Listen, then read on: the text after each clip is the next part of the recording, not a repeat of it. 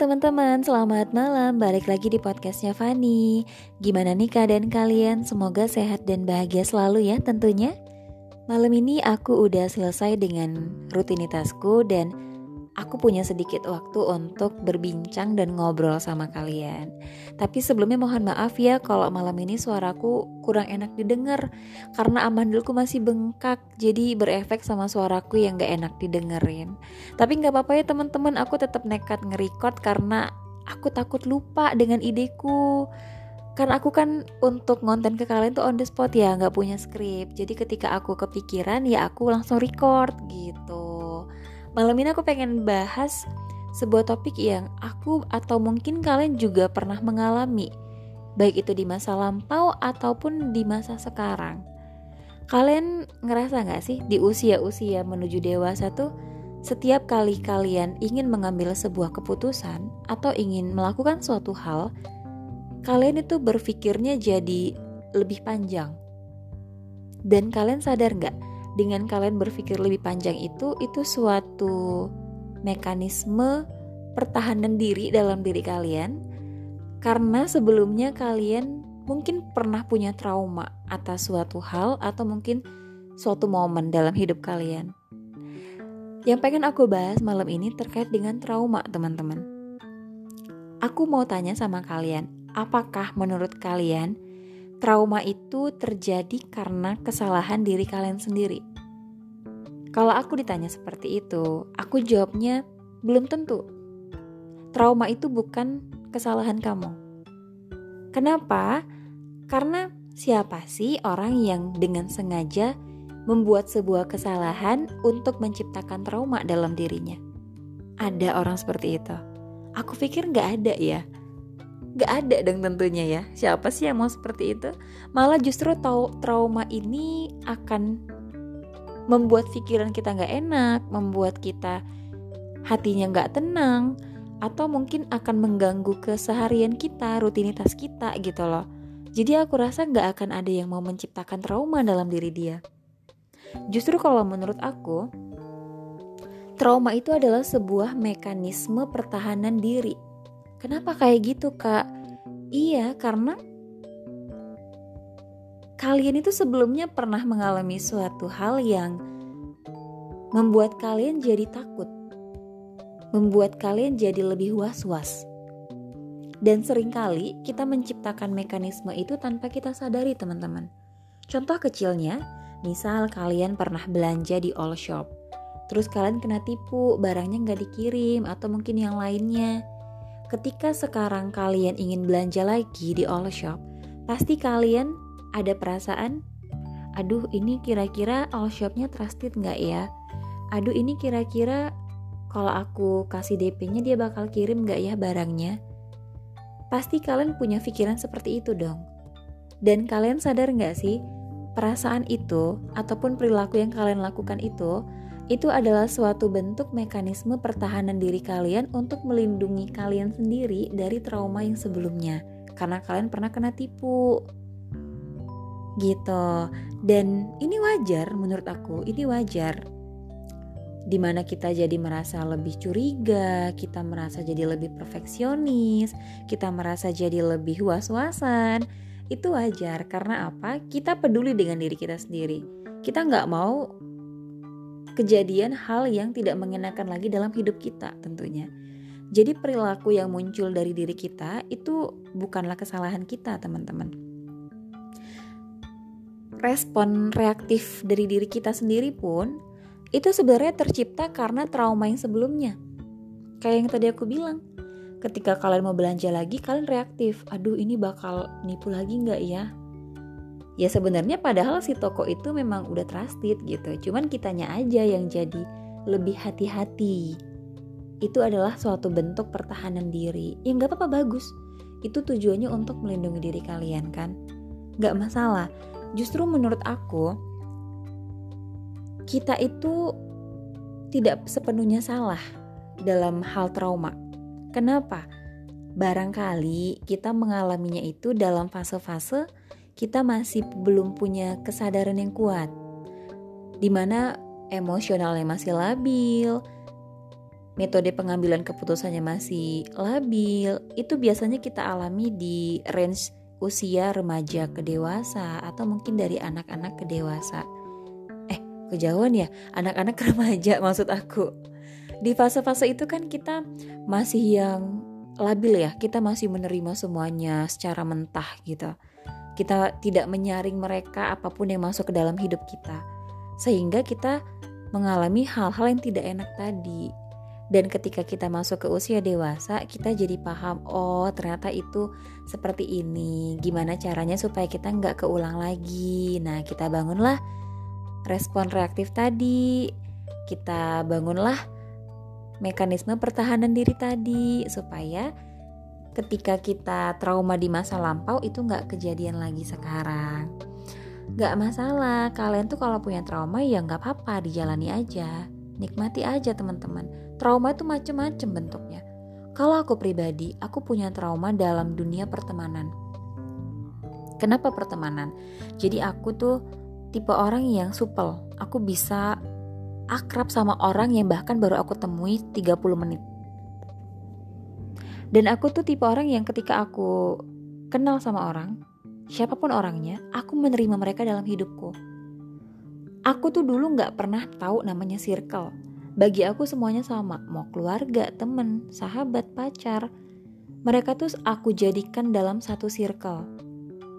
Tidak ada aku bagi gitu circle yang gak ada. Aku tuh goblok banget dulu tuh gak tahu circle-circlean. Sampai akhirnya at the moment ada satu momen yang itu menyakiti aku. Aku jadi mikir kok gini ya? Ada apa ya ini? Kok aku begini? Akhirnya aku ambil jeda Aku coba pikirin sendiri, aku cari solusinya. Aku menemukanlah jawabannya. Oh, ini yang salah aku. Kenapa aku tidak menyaring orang-orang di sekitarku? Aku boleh terbuka sama orang, tapi aku harus memilah mereka jika memang mereka ingin kujadikan orang terdekatku. Akhirnya aku membagi orang-orang tersebut dalam tiga circle. Circle utamaku itu yang gak bisa diganggu gugat adalah keluarga. Masuk ke circle kedua, itu dia isinya orang-orang terdekatku, sahabat yang memang aku kenal secara personal, dia kenal aku secara personal, dan kita juga mengenal secara kekeluargaan. Itu aku masukkan ke circle kekeluargaan. Eh, circle kekeluargaan sih.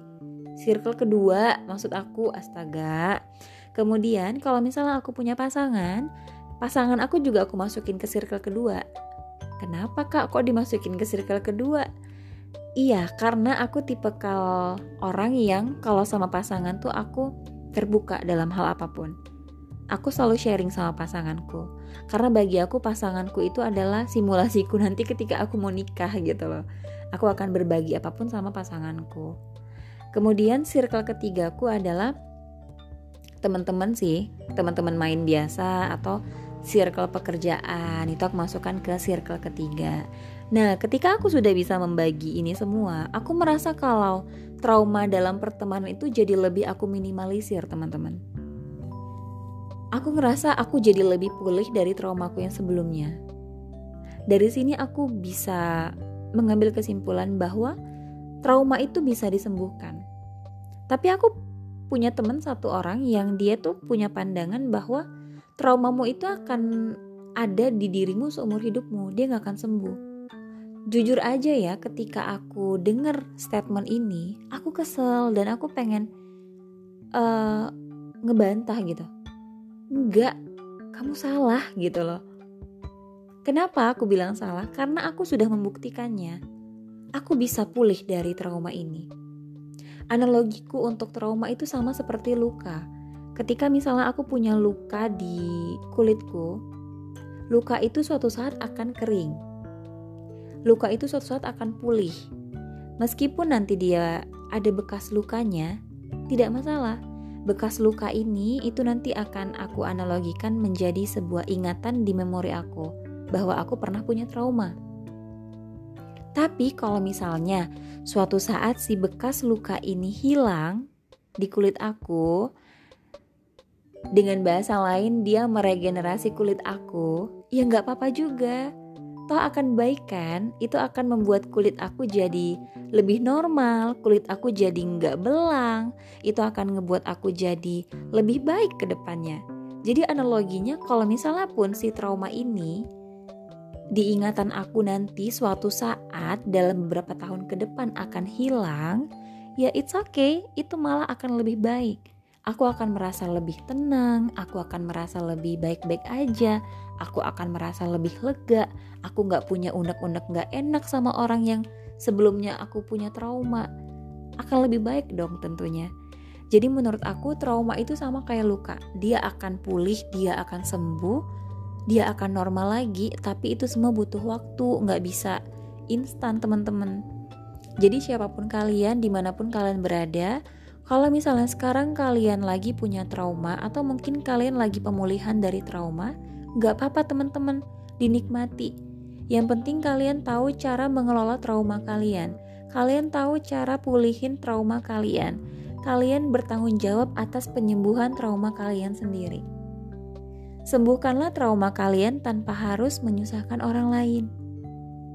Dan jangan mau jadi korban trauma yang selanjutnya ambil kendali untuk diri kalian sendiri. Walaupun kita trauma, kita tetap punya tanggung jawab untuk do something. Yang pertama, kita bertanggung jawab agar trauma kita itu nggak menghambat pertumbuhan diri kita sendiri. Yang kedua, kita harus bertanggung jawab supaya orang lain itu tidak memiliki trauma dari sikap reaktif kita gitu. Jadi dengan bahasa lain kita juga bertanggung jawab atas perasaan orang lain. Jangan sampai perilaku reaktif kita itu membuat orang lain trauma dengan diri kita. Itu tanggung jawab kita sih. Selain dengan dirimu, kamu juga bertanggung jawab atas diri orang lain. Jadi saran aku kalau memang kalian punya trauma nggak apa-apa. Kalian nggak perlu menyesali itu kalian nggak perlu menyalahkan diri kalian sendiri. Coba ambil jeda kalian pikirin dulu ini traumanya tuh salahnya di mana? Coba cari solusinya cari celahnya. Kemudian kalau udah ketemu solusinya dijalani dengan semaksimal mungkin semampu kalian. Kemudian kalau kalian lagi ngejalani solusinya itu kalian capek, kalian jeda dulu, kalian istirahat dulu. Kalau udah stabil lagi, kalian fight lagi. Kemudian nanti kalau misalnya kalian ngerasa solusinya ini nggak tepat, kalian bisa pikirin lagi solusi baru. Yang penting kalian nggak berhenti di tempat. Kalau kalian nggak bisa lari, kalian bisa jalan. Kalau kalian nggak bisa jalan, kalian bisa merangkak. Kalau kalian nggak bisa merangkak, kalian bisa sambil ngapain ya bahasanya tuh ngesot yang penting kalian tuh nggak berdiam diri yang penting kalian tuh tetap usaha untuk menyembuhkan trauma kalian sendiri itu sih teman-teman yang pengen aku sampaikan malam ini jadi trauma itu bukan salah kalian seutuhnya coba temukan ini salahnya di mana dan perbaiki sebaik-baiknya kalian oke okay? Hmm, aku rasa itu aja yang mau aku sampaikan malam ini. Semoga ada yang bisa kalian ambil ya dari apa yang aku sampaikan. Dan sampai ketemu teman-teman di konten aku selanjutnya. Kira-kira aku bahas apa lagi ya? Hmm, coba kasih aku saran. Ya udah deh, selamat malam ya teman-teman. Selamat beristirahat. Bye bye.